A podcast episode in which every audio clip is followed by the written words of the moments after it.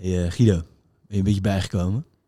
Ja, het was wel spannend in het begin, maar uh, ik zit er nou wel weer redelijk relaxed bij hoor. Ja, want dat was een je CEO die uh, binnenkwam lopen. CEO JLL, Pieter Hendriksen en stagiair Guido van Winden.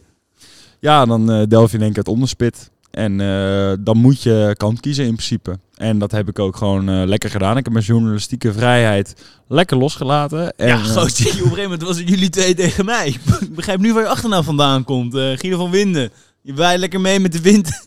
Ja, en vandaag was dat een hele harde JLL-wind. En daar ben ik helemaal niet rouwig om. Dat vind ik gewoon heel lekker om dat uh, Goed, zo maar kijk, te doen. Ondanks dat uh, geslijm van je hebben we alsnog een leuke podcast gehad. we hebben de vastgoedman van het jaar 2012 aan het woord gehad. En wat ook leuk is, hij was CEO voordat hij bij JOL was bij Seabury Global Investors. Ja. En wat heel interessant is, was natuurlijk dat je die tegen elkaar kon afzetten. Dus dat we wisten van, ja, wat zijn nou de verschillen en uh, wat heeft hij nou van beide geleerd? Ja, dus we gaan eigenlijk van een hele grote investeerder naar een adviseur. Ja, dus we hebben veel geleerd over de verschillen daartussen. Maar ook flink wat tips voor studenten, voor, voor de jonge garde. Wat moeten ze doen? Ik heb geen idee, maar je hoort het allemaal hier. De podcast. Jong geleerd.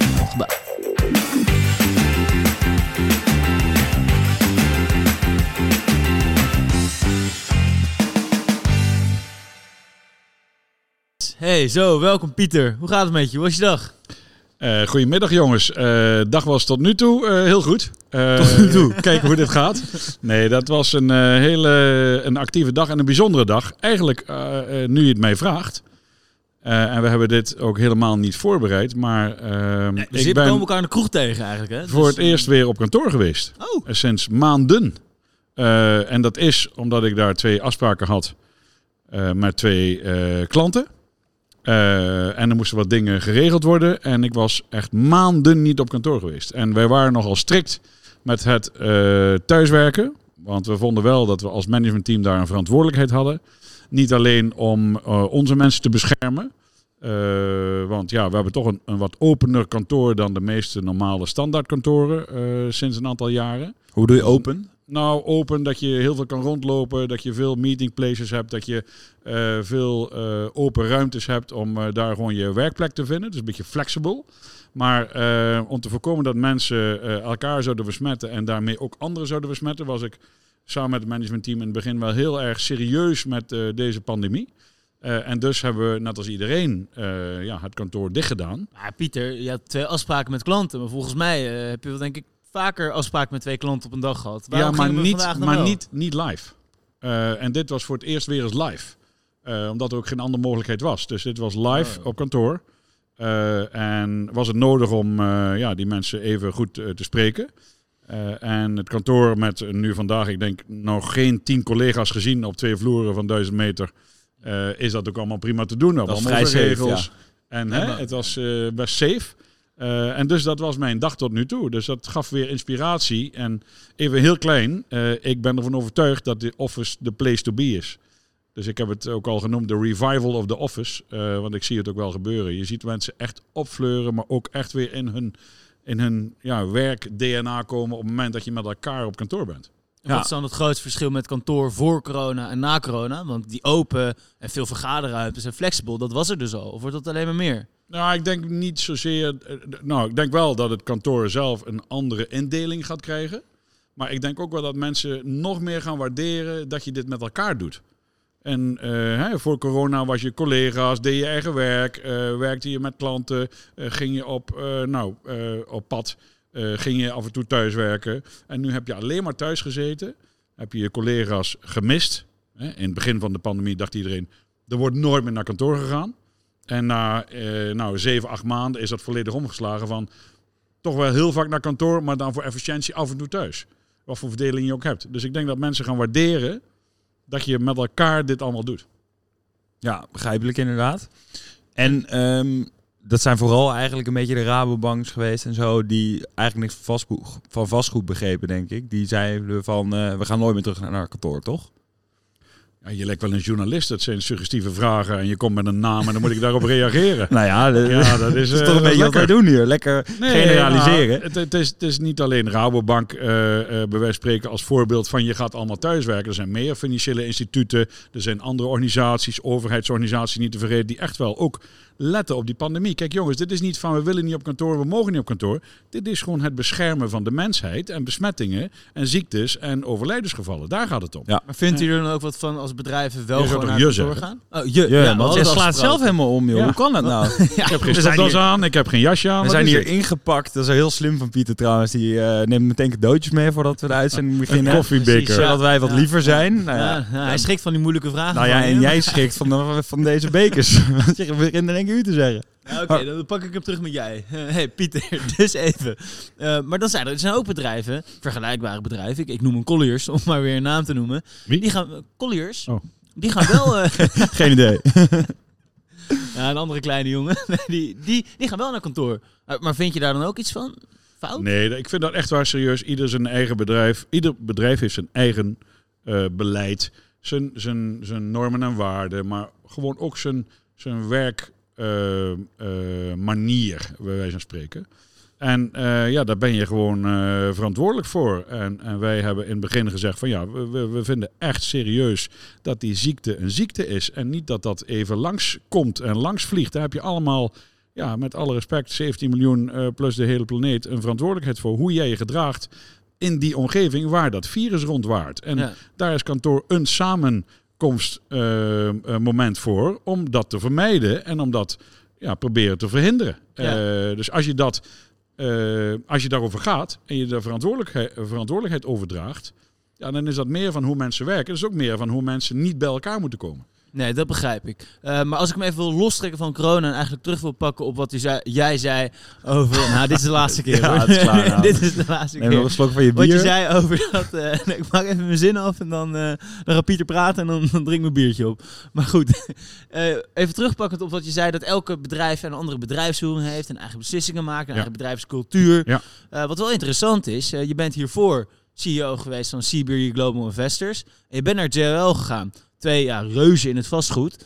Maar ook de andere organisaties. Wat, wat zijn de grootste verschillen die je daarin hebt ervaren?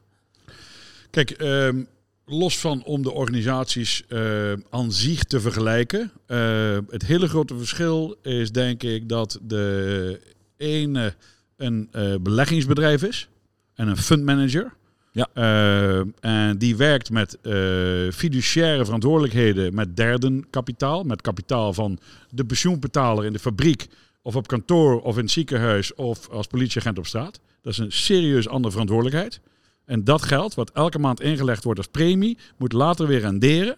Eh, en die verantwoordelijkheid komt bij zo'n beleggingsbedrijf. Dus daar moet je jarenlang over doen om daar een verantwoordelijkheid te nemen om uiteindelijk ook die pensioenbetaling te kunnen doen. Eh, dat is een hele andere manier van werken, naar vastgoed kijken. Want daarmee laat je zien van als wij een beslissing nemen om vastgoed te kopen en het goed te verhuren en het goed te onderhouden en op termijn ook te verkopen, ja, dan, dan hebben wij een manier gevonden om rendement te maken. En hoe is die manier kijken dan? Hoe, hoe kijk je daar dan naar? Nou, nog, even, nog even terug naar het verschil. Ja. Je stelde eh, een vraag Ja. over het verschil. Nu ben ik vastgoedadviseur. Dat noem je makelaar, dat noem je taxateur, dat noem je eh, bedrijfshuisvester, eh, dat noem je ontwikkelaarsadviseur, dat noem je gemeenteadviseur, dat noem je omgevingsadviseur, want daar willen we naartoe. Ja, daar heb je geen fiduciair geld. Daar ben je alleen maar bezig om eh, de ene partij te helpen te connecten met de andere partij. Daar ben je bezig om een betere invulling te geven aan de omgeving of aan ontwikkelingsmogelijkheden. En partijen bij elkaar te zetten die elkaar nooit anders hadden gevonden zonder jou. Maar geen fiduciaire verantwoordelijkheid. Je speelt wel bij wijze van spreken met het geld van uiteindelijk partij A of B, ja, die daarmee een transactie of een advies of een ja, taxatie of anderszins een verantwoordelijkheid nemen. Maar het is een andere verantwoordelijkheid. En dat is het grote verschil. Maar met die verantwoordelijkheid komt natuurlijk misschien ook wel een beetje een stukje ondernemerschap kijken. Dat is misschien aan de advieskant als je van buitenaf zou zeggen van joh, dan eh, pak je een deel fee op een opdracht of op een connectie zoals je die zegt. zo, Eh, is dat niet misschien ook, naast dat de verantwoordelijkheid eh, misschien daarin wat minder is, misschien ook een beetje saaier? Welke? Eh, het tweede, het advies geven is... Nee, zeker niet. Nee, waarom niet? Nee, kijk jongens, ehm, ik doe dit en ik ben 53 jaar, omdat het gewoon razend interessant is om met vastgoed bezig te zijn. Ehm, en ik denk als het nu eh, 2021 is, dat ik nu 28 jaar dit doe, ja, in vastgoed werken. Eerst als jurist. Ik heb rechten gestudeerd in Utrecht. Dus ik, kon nooit, ik was ook nooit lid van Fresh, want dat bestaat niet bij rechten in Utrecht, denk ik. Onze trotse sponsor. Ja, ja, ja. Ja, hartstikke zeker. mooi. Ja, ja. Eh, maar ehm, ik ben eh, vanuit eh, het kandidaat notaris zijn, met heel veel uh, onroerend goed in de praktijk eh, te werken, uiteindelijk geïnteresseerd geraakt om ja, toch aan de andere kant van de tafel terecht te komen bij MN als belegger. En daar ben ik bedrijfsjurist geweest, daar heb ik ook MRE gedaan. Daar ben ik uiteindelijk woningbelegger geworden. MRE is heel even... Master of Real Estate, Ja. postdoctoraal aan de ASRE, Amsterdam School of Real Estate. Eentje verder. Een beetje een must, hè, als je CEO wil worden. Nee, totaal niet. Want ik ben ook nooit met een carrière bezig geweest. Dus mijn carrière is ook gewoon gebeurd. Eh, zeg ik maar eerlijk. Eh, en mensen weten dat. Ik ben er ook nooit mee bezig geweest. Ik heb er ook nooit over nagedacht. Ik heb vaak gewoon een risico genomen of een stap. Doordat ik serieus waar in een kroeg met een hele goede vriend zat. En die zei, morgen ga je naar de directie. En dan ga je gewoon die baan vragen. En dat heb Toch, ik gedaan. toch in de kroeg, hè? Ja, Wat? Ja, dat zijn wel? de beste, kroeg- dat zijn wel de beste inspiratieomgevingen. golfbaan hebben we geleerd, maar... Ja, oké. Ja, maar daar gebeurt het toch. En dat hebben we nu al 13 maanden niet. Maar daar gebeurt het wel. En waarom ben je dan wijze goede CEO? Of ik een goede CEO ben. Dat, is, dat is de tweede journalistieke eh, vraag. Moet je mij Eh, vragen. Ik laat dan, Ja, Aan- ik ik laat zo de. Maar Ja, hij ja, gaat ja. eigenlijk nog antwoord geven. ik laat Zeker. aan vele anderen eh, hoe ik eh, acteer en, en mijn baan invul. Eh, en vooral aan degenen die erover gaan. En eh, dat Nou, ze is zeggen niet aan mij. soms dat eh, werknemers eh, de beste beoordelaars Zo zijn is het. van hun baas. Ja, zo is het. Guido, stagiair bij JLL. Laat er nou net een aan nu moet tafel zitten. zijn. Ja, zeker. Nou ja, aan de ene kant... ehm, Je gaat mij toch niet beoordelen nu, of wel? Nee, ja, een stukje wel natuurlijk, Pieter. Want eh, ik ben, eh, ik loop al twee maanden stage, ik ben nog niet op kantoor geweest. Volgende week mag Hey, waar ik. was je vandaag? Ja, volgende week mag ik. Daar ben ik heel erg eh, blij mee. Maar wat ik wel heel tof vind, en zeker als je JOL hebt, grote organisatie, denk je misschien, eh, hoe hou je het persoonlijk? Een eh, huisgenoot van mij, Rick Kroeze, die loopt stage op Capital Markets. eh, op het retail team. En die zei met kerst, werd in één keer aangebeld. En kwam Pieter, de CEO, kwam een kerstpakket voor mij brengen. Terwijl ik, er, ja, terwijl ik de stage liep. En dat vond hij toch wel even, dat hij stond te kijken van nou, dan houden we het wel gezellig met z'n allen. Ja, nou, eh, gezellig. Kijk, ik, is gewoon ook een blijk van waardering. Eh, ik leid capital markets ehm, ehm, eh, in Nederland eh, als onderdeel van mijn CEO-baan. Omdat ik vind dat directe aansturing helpt. Ehm, het helpt de mensen die met heel veel plezier hun eigen baan doen. En dat gaat sectoraal. Hè? Woningen, winkels, kantoren, eh, logistiek, industrial. En dan doen wij ook indirect. Hè? Indirect investments. Dus fund management advies, eh, capital raising en zo. Ja. Maar omdat eh, ja, die lockdown toch ja, veroorzaakte dat je niet met elkaar toch het jaar goed kon afsluiten. En zeker met Capital Markets wordt nog wel eens een diner of twee gegeven. Dacht ik van ja, ik wil toch mijn persoonlijke betrokkenheid en dank uitspreken. En laten zien aan de collega's. En heb ik, ehm, eh, ik geloof, 21 eh, adressen aangebeld om een flesje champagne te overhandigen als blijk van waardering. Meer kan ik ook niet doen. Nee. Minder kan ik ook niet doen. Ik vind het ook niet speciaal. Maar het is puur om te laten zien, ja, ik, ik, ik waardeer zeer dat, dat je bij ons eh, je inzet. Ja, Dat goed. is wel een goed gebaar, denk ik ook. En er, er werken veel jonge mensen bij JOL, toch? Dus Relatief, eh, ik denk gemiddeld ja. vanuit- Gemiddeld eh, zeker. En ik ben er nogal van, want we hadden het net over mijn vorige werk. En daartussen zat natuurlijk heel belangrijk, jongens. Ik, ik vertelde iets over MN, dat is vroeger MN Services. Dat was een pensioenfonds, dat werd een vermogensbeheerder. Die zitten nu in de Zilveren Toren in Den Haag. Ik weet niet of je dat weet. Eh, als je naar Den Haag rijdt of de A12, via de Utrechtse baan, heb je al de, Utrecht, hè, weer de Nationaal Nederlander gebouw, de poort. boog. Ja. Ja. En daarna heb je de, de, de Groene Toren en de Zilvertoren. Daar zit MN, even voor jullie beeld. Eh, maar ik ben natuurlijk ook eh, heel lang aan het werk geweest bij ING Vastgoed, bij ING Real Estate. En dat is wel een hele belangrijke periode in mijn leven geweest om daar ja, met eh, toch jongens, denk ik een van de grootste inspiratoren in vastgoed in Nederland ever, Jan Doets, heel nauw te hebben samengewerkt om te kijken hoe je een bedrijf draait en ontwikkelt tot een asset management bedrijf en een vermogensbeheerdersbedrijf. Niet alleen voor eigen eh, portefeuille, dus de verzekeraar nationale als onderdeel van ING, maar dus ook voor derden. En daar heb ik kunnen aan bijdragen om allerlei fondsen te ontwikkelen, landen te openen, internationale beleggingen te lanceren, et cetera. Dus Was die structuur nieuw in die tijd? die was, die was nieuw. Wij zijn wel, denk ik, de uitvinder geweest van het niet beursgenoteerd beleggen in fondsen in Nederland en daarna in Europa. En dat heeft ook geleid tot eh, het initiatief wat ik met die vriend die ik in het café eh, zag toen, eh, dat wij samen Inref hebben opgericht. Ik weet niet of jullie Inref kennen, Ja. Daar wilden we zo nog maar goed, komen. dat maar heb ik we- daar wel kunnen Ja. doen. Maar ik wilde eigenlijk nog even over ING Real Estate hebben. Ja. Want eh, nou, die naam die bestaat nu niet meer. Dat ken, ja, het Eh, bestaat van vroeger, Nou, maar... Misschien eh, bij ING intern en ING Real Estate Finance zeker wel. Dat is een hele belangrijke financier. Maar het is niet meer de, het. Grootste het is- speler het van het land. En dat was het wel. Hoe, wat, wat was dat ook alweer? Nou, het is niet meer de combinatie van financieren, ontwikkelen en beleggen. En dat was eh, toen wel. En als je teruggaat eh, naar de ontstaansgeschiedenis, dan eh, had het te maken met het feit dat een bank en verzekeraar samenkwamen. En dat de verzekeraar al jaren, sinds de jaren 60, 70, belegt niet alleen in aandelen en obligaties, maar ook in vastgoed. de derde asset class. Precies. ja. Inderdaad. En de verzekeraar Nationaal Nederlanden en de ING-bank, wat vroeger NMB en Postbank was. Ja. ING-bank, die ontwikkelde eh, winkels en winkelcentra voor de, voor de middenstandsklant die een winkeltje had. En die zeiden, laten we met elkaar ja, die, dat dak boven, ons hond dak boven ons hoofd creëren. Waardoor we bij de banken misschien kunnen aanbellen voor financiering. En die bank zei, nou weet je wat, dan maken we jullie winkelcentrum. Dan ga je bij elkaar zitten. Ja, Zo is het begonnen. En dan ben je zo allemaal elkaar aan het vieren eigenlijk binnen datzelfde bedrijf. Heel effectief, denk ik. Ja, maar groeien. dat is dan met bankrisicokapitaal. En de verzekeraar is met verzekeringsgelden, wat ook een soort van pensioengeld is in Ja, feite. Ja? precies. En die kwamen bij elkaar en toen heeft het bedrijf ING Groep, wat daaruit voortkwam, gezegd... laten we dan alle vastgoedexpertise, financiering bij de bank en beleggen bij eh, de verzekeraar bij elkaar doen met de ontwikkelaars bij de bank. En dan ontwikkelen voor eh, de markt en beleggen voor de markt en financieren voor de markt. Precies, en dat groeide en dat groeide. Ja. En toen kwam de economische crisis. In 2009, 2008 inderdaad, 2009. Ja, dus, Ja, vastgoed zeker. kwam iets later. Ja. Net als Guido altijd. Maar... Waar heb jij het over, man? en, en ons bier komt wel op tijd. ja, nu. ja, zeker. Lekker, Gerard. eh, onder, onder- terwijl Gerard ach, ja, een heel lekker biertje voor ons pakt, wilde ik eigenlijk even het er verder over hebben hoe het. ehm, ja, dus dan de krimp of de, de, de, ja, de, de teloorgang, dat, dat klinkt misschien zo dramatisch. Maar waarom ING Real Estate toen niet meer zo groot was, terwijl dat daarvoor wel was? Wat, wat gebeurde er voor de Nou, crisis? het Want is- wij waren te dat jong eigenlijk om het echt mee te maken. Dat is niet zo heel moeilijk. Kijk, eh, in 2007 Lehman Brothers en daarna de financiële crisis. eh, dat heeft gewoon een effect gehad natuurlijk op banken. Ja? En jullie weten ook dat ING eh, staatshulp nodig had, net als ABN AMRO en vele andere banken.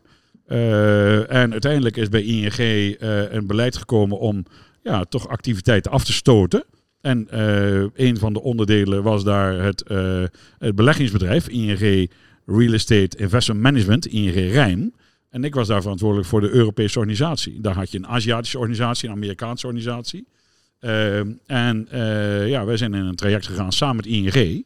eh, om eh, uiteindelijk een goede nieuwe thuishaven te vinden. En was de klap ehm, toen eigenlijk de crisis van Lehman of was het meer Griekenland, die tweede nagolf die Nee, er nee, nee, dat was wel Lehman. was wel Lehman Zeker. toen. Griekenland Ja. is later geweest. Ja. Oké. Ja, en, en uiteindelijk is dus ING Real Estate dan even voor de leek. Wat is nou de connectie dan tussen ING Real Estate en Seabury Global Dan kan ik Investors? je uitleggen. ING Real Estate Investment Management was het fundmanagementbedrijf. Dus al die vastgoedfondsen. Ehm, ja, daar zijn natuurlijk bij Global Investors nu nog fondsen van in Nederland. Hè? Het eh, CBRE Dutch Residential Fund. Het CBRE Global Investors eh, Dutch Office Fund. Eh, het Dutch Retail Fund. eh, de Rembrandt portefeuille. ehm, eh, voor jullie luisteraars. Ja. Ja, die, die fondsen die zijn nu under management en de verantwoordelijkheid van CBRE Global Investors in Nederland. Ja. Dat waren vroeger de ING Real Estate, Dutch Residential Fund, Dutch Office Fund en Dutch Ja. Retail Fund. Dus eh, het investment managementbedrijf, het managementbedrijf, ja, is verkocht van ING naar CBRE. Ja? Ja. En daarmee ook de verantwoordelijkheid van, de, van het management van de gebouwen en de klanten die daar hun pensioengeld en verzekeringsgeld hebben ingelegd. Dat is een groot Dus pakket het is geweest. gewoon helemaal overgegaan. Ja, naar CBRE. toch? Ik ga natuurlijk niet over getallen praten, dan alleen maar, Ah, dan Pieter, alleen kom op. maar de assets under management, want dat is publiekelijk. Ja. Eh, nou, en dat is gewoon overgegaan naar een geïnteresseerde partij die op dat moment dacht van, hé, hey, wij doen beheer, wij doen makelaardij, wij doen advies, wij doen nog niet zoveel beleggingen en fundmanagement, maar wel in Amerika. Nu hebben we de kans om in Europa eh, In één keer een stap te in één maken keer een stap te maken. Nou, dat was voor hun een strategische optie. En ING was blij met het feit dat ze op die manier hun probleem konden oplossen. Ja. Ja. En je raakte net al even Inref aan, eh, wat, wat je hebt opgericht. Ja, onder de Nou, ken master scriptieschrijvers eh, van ons wel bekend. Maar voor degene die... Oh ja? Voor de luisteraar misschien niet. Dus, dus Ja. kun, kun je misschien heel kort even uitleggen wat het is en waarom het nodig was? Dus even heel kort. Vroeger, eh, dus na de oorlog, moest Nederland opgebouwd worden. En dat begon met heel veel subsidie en steun om woningen te bouwen. Een beetje net als nu. Ja. ja? Ja. Eh, daarna met al die woningen moesten ook heel veel winkels bouw- gebouwd worden. Want ja, mensen moeten toch winkelen. Ja, en eten en drinken. Ja. Ja? En mensen gingen ook werken. Ja, dus eh, kantoren overal en nergens. Nou, Zo'n ontwikkelingsland was het. Bouwen, bouwen, Ja, bouwen. zo is het. Ja. en men zag ook dat de huurder ja, niet altijd de eigenaar, of de gebruiker niet altijd eigenaar moest zijn. Dus die begon huur te betalen. Toen dachten mensen, hé, hey, dat is een soort van belegging. Ja, als dat een soort van belegging is, dan gaan we dat doen. Dan krijgen we eh, de huur betaald, daar kunnen we pensioen mee betalen. En als we zelf investeren, krijgen we later weer eh, pensioengelden terug. Dus het is een hartstikke mooi model. Nou, prima. Toen werd dus vastgoed de derde asset class. Aandelen, obligaties en vastgoed. Ja. Hm? Dat is begonnen met huurwoningen in Nederland. Samen met corporatiewoningen. Is dat specifiek Nederland? Ja, specifiek Nederland. Als opbouw na de Tweede Wereldoorlog. Eh, want het pensioenstelsel in Nederland en pensioenfondsen in Nederland zijn een van de meest rijk, moderne hè? in de wereld. Ja. Vergeet het niet. Dus daar zit heel veel innovatie al sinds de jaren 60. En dat loopt nog door. Dat kun je nog steeds zien. Nou, die zijn gaan beleggen en die zijn direct gaan beleggen. Die hadden eigen vastgoedteam op het pensioenfondskantoor, ja, of eh, bij de verzekeringsorganisatie. Eh, maar eh, ook bij MN heb ik dat gezien. En worden natuurlijk aandelen en obligaties achter een scherm gedaan. Ja, dus, en vastgoed is met mensen, is met panden, is rondrijden, acquisitie, management, beheer, noem maar op. Dat is gewoon management intensief. Ja. Dus metaforisch heb ik wel eens gezegd, ja, je deed 20 miljard eh, obligaties en aandelen met twee man.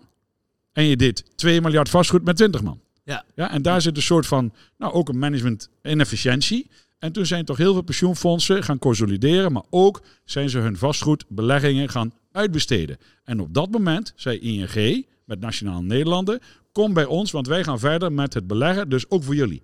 Maar niet op de beurs. Want jullie weten dat als je op de beurs belegt, dat het kan gezien wordt als, geworden als aandeel. En dan heeft de correlatie met de beursschommelingen. Dan dan wordt het niet meer vastgoed diversificatie zien. op, hè? Precies, Ja. dus dan ga je naar direct vastgoed.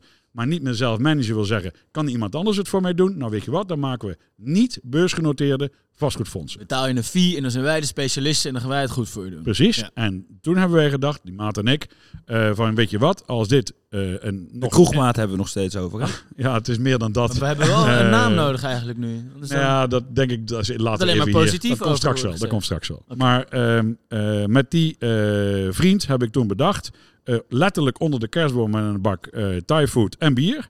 Van nou, als we een white piece of paper nemen, eh, wat doen wij? Wat komen we tegen? Eigenlijk is dit een industrie die aan het groeien is, waar bijna net zoveel geld in omgaat als in de beursgenoteerde sector. En toen hebben we dat als elkaar gezet, hebben we data onderzocht en zagen, ja, het is wel een serieuze eh, eh, eh, nou, ontwikkeling. En Ja. laten we daarmee met pensioenfondsen en ook managers een keer samenkomen. En toen zijn wij gewoon echt van scratch af aan begonnen. Met een laptop en eh, een idee. En nu nog, inderdaad, dit is dus inderdaad de, de ontstaans eh, misschien, maar nu heel even kort wat Ja, Inref Dat precies begrijp ik. Die, vraag die snap ik, want ik Ja. was natuurlijk wel met een inleiding bezig om daar naartoe te gaan. Ja. Maar helemaal Nou, terecht. wel boeiend en leerzaam. Daar zitten we. Eh, maar dus eh, INREF is de European Association for Investors in Non-Listed Real Estate Vehicles. Ja. Daar staat de naam voor. Ja. Eh, ondertussen is ook een ANREF in Azië. Precies hetzelfde, zusterorganisatie. Eh, en is er een contact met Nate bij hetzelfde in Amerika. Maar het staat voor het samenbrengen van kennis in de niet becenteerde sector tussen managers, adviseurs en beleggers. Beleggers hebben daar de agenda. Die bepalen wat er elke keer weer verbeterd moet worden in de non-listed industry.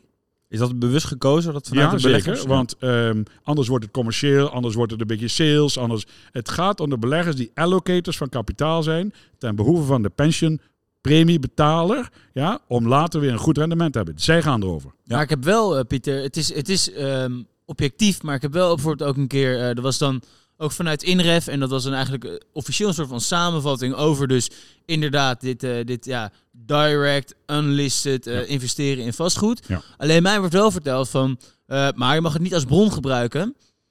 Want het was wel een beetje ja, reclameachtig. Het was wel alleen heel veel voordelen werden erbij genoemd. Het was een soort van folder ook. Van, van jongens, kom investeren, want het is het meest effectief. Oh, zo, ja, En- ik begrijp wat je bedoelt. Nou, Het is niet helemaal objectief. Nou, eh, da- daar, daar ga ik zo op reageren. Maar wat erbij hoort is dat de missie van INREF, ja, eh, het creëren van toegankelijkheid, transparantie, eh, het eh, vergroten van kennis en kunde en de, de vergroten van professionaliteit in die sector. Kijk, beursgenoteerd is al elke dag gereguleerd, er zit alles omheen. Ja. Dat is beursgenoteerd. Ja, dat, dat- is door zijn regels omgeven. Direct vastgoed is maar voor degene die het directe vastgoed op zijn balans heeft.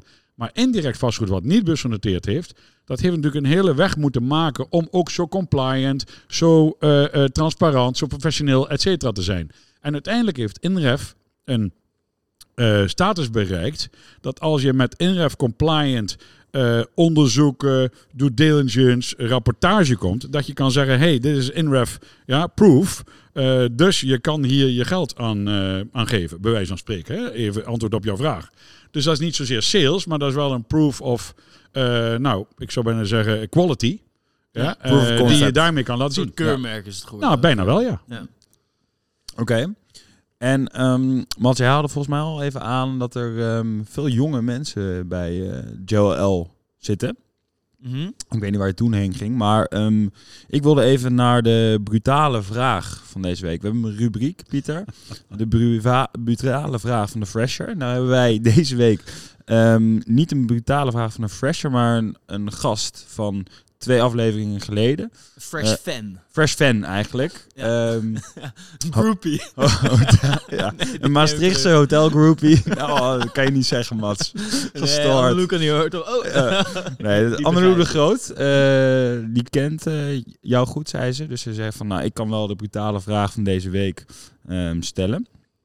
En we hebben hem eigenlijk al een beetje beantwoord, maar we hopen dat je nog misschien iets wil uitweiden. Ehm, ze zei, hey Pieter, leuk dat je je aan wil schuiven bij de jongens. Ehm, ik heb een vraag voor je. Ehm, jullie hebben veel inderdaad jonge mensen bij JLL. Hoe zorg je in deze tijd nou dat je eh, de verbondenheid en de creativiteit hoog houdt binnen eh, jullie bedrijf? Ja.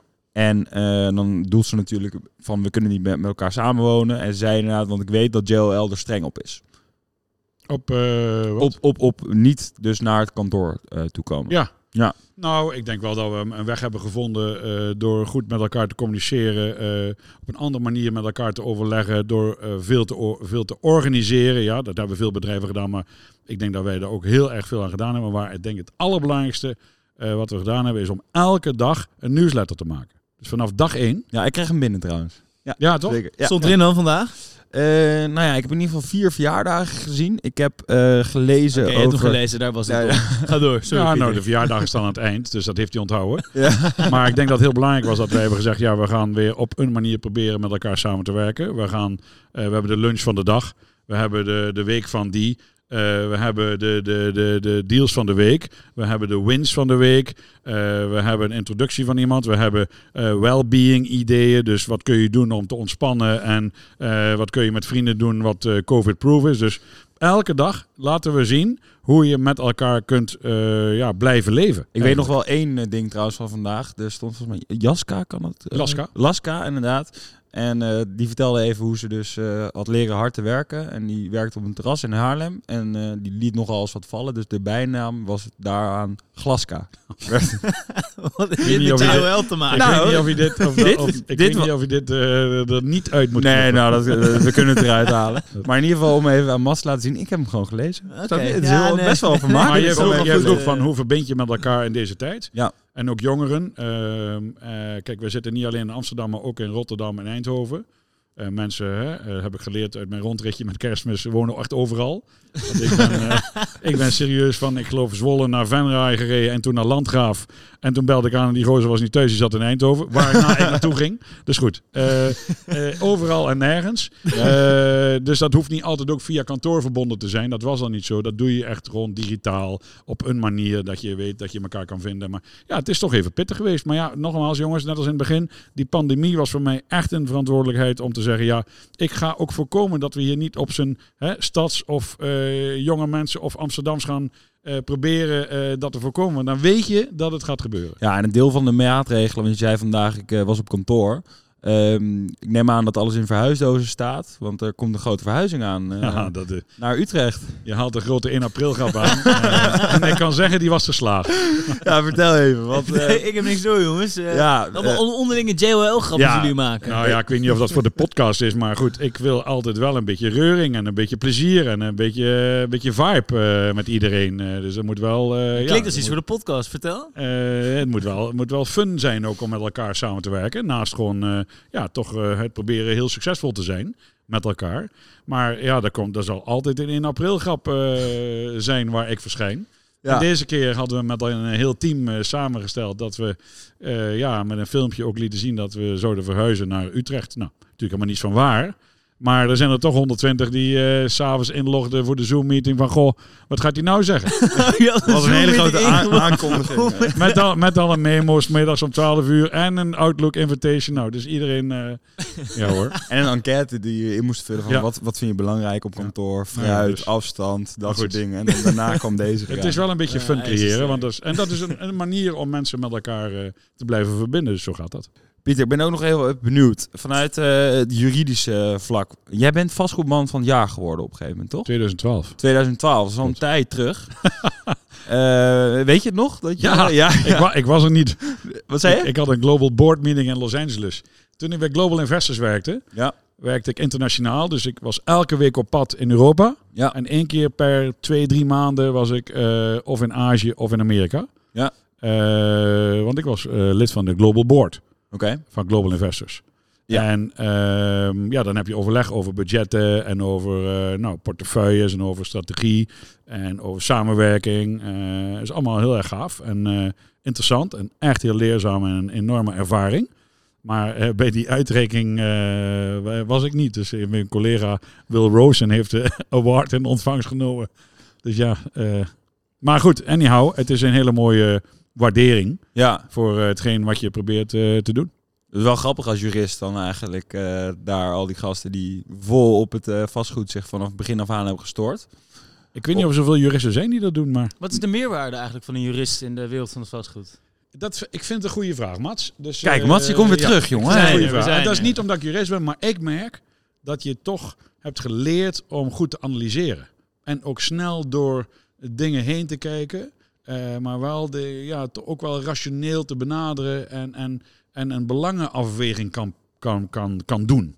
En dat is gewoon, dat is toch breed. Ja? Dus je bent niet specifiek specialistisch op eh, geografie of eh, nou, psychologie of financieel of economisch. Of nou, ga zo maar door met al die vakken die je gedaan hebt. Maar ik vind een, een brede maatschappelijke ja, opstap ja, om toch veel te kunnen. Ehm, eh, en blijkt maar weer, vastgoed kun je er dus ook mee. Maar het leert mij dus ook heel goed te analyseren. Dat denk ik dat het een heel belangrijk voordeel is. Ja, precies. En, En eh, af te wegen. Ja. en als wij nou even teruggaan naar jouw studententijd. eh want Mats en ik zitten zit een beetje aan het einde. Hè? Wij moeten ons een beetje Ja, gaan ja, oriënteren.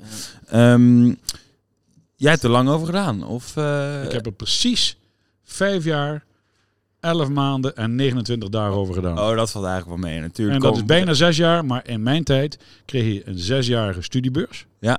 Met OV-kaart, Ja, voor lekker, uitwonend.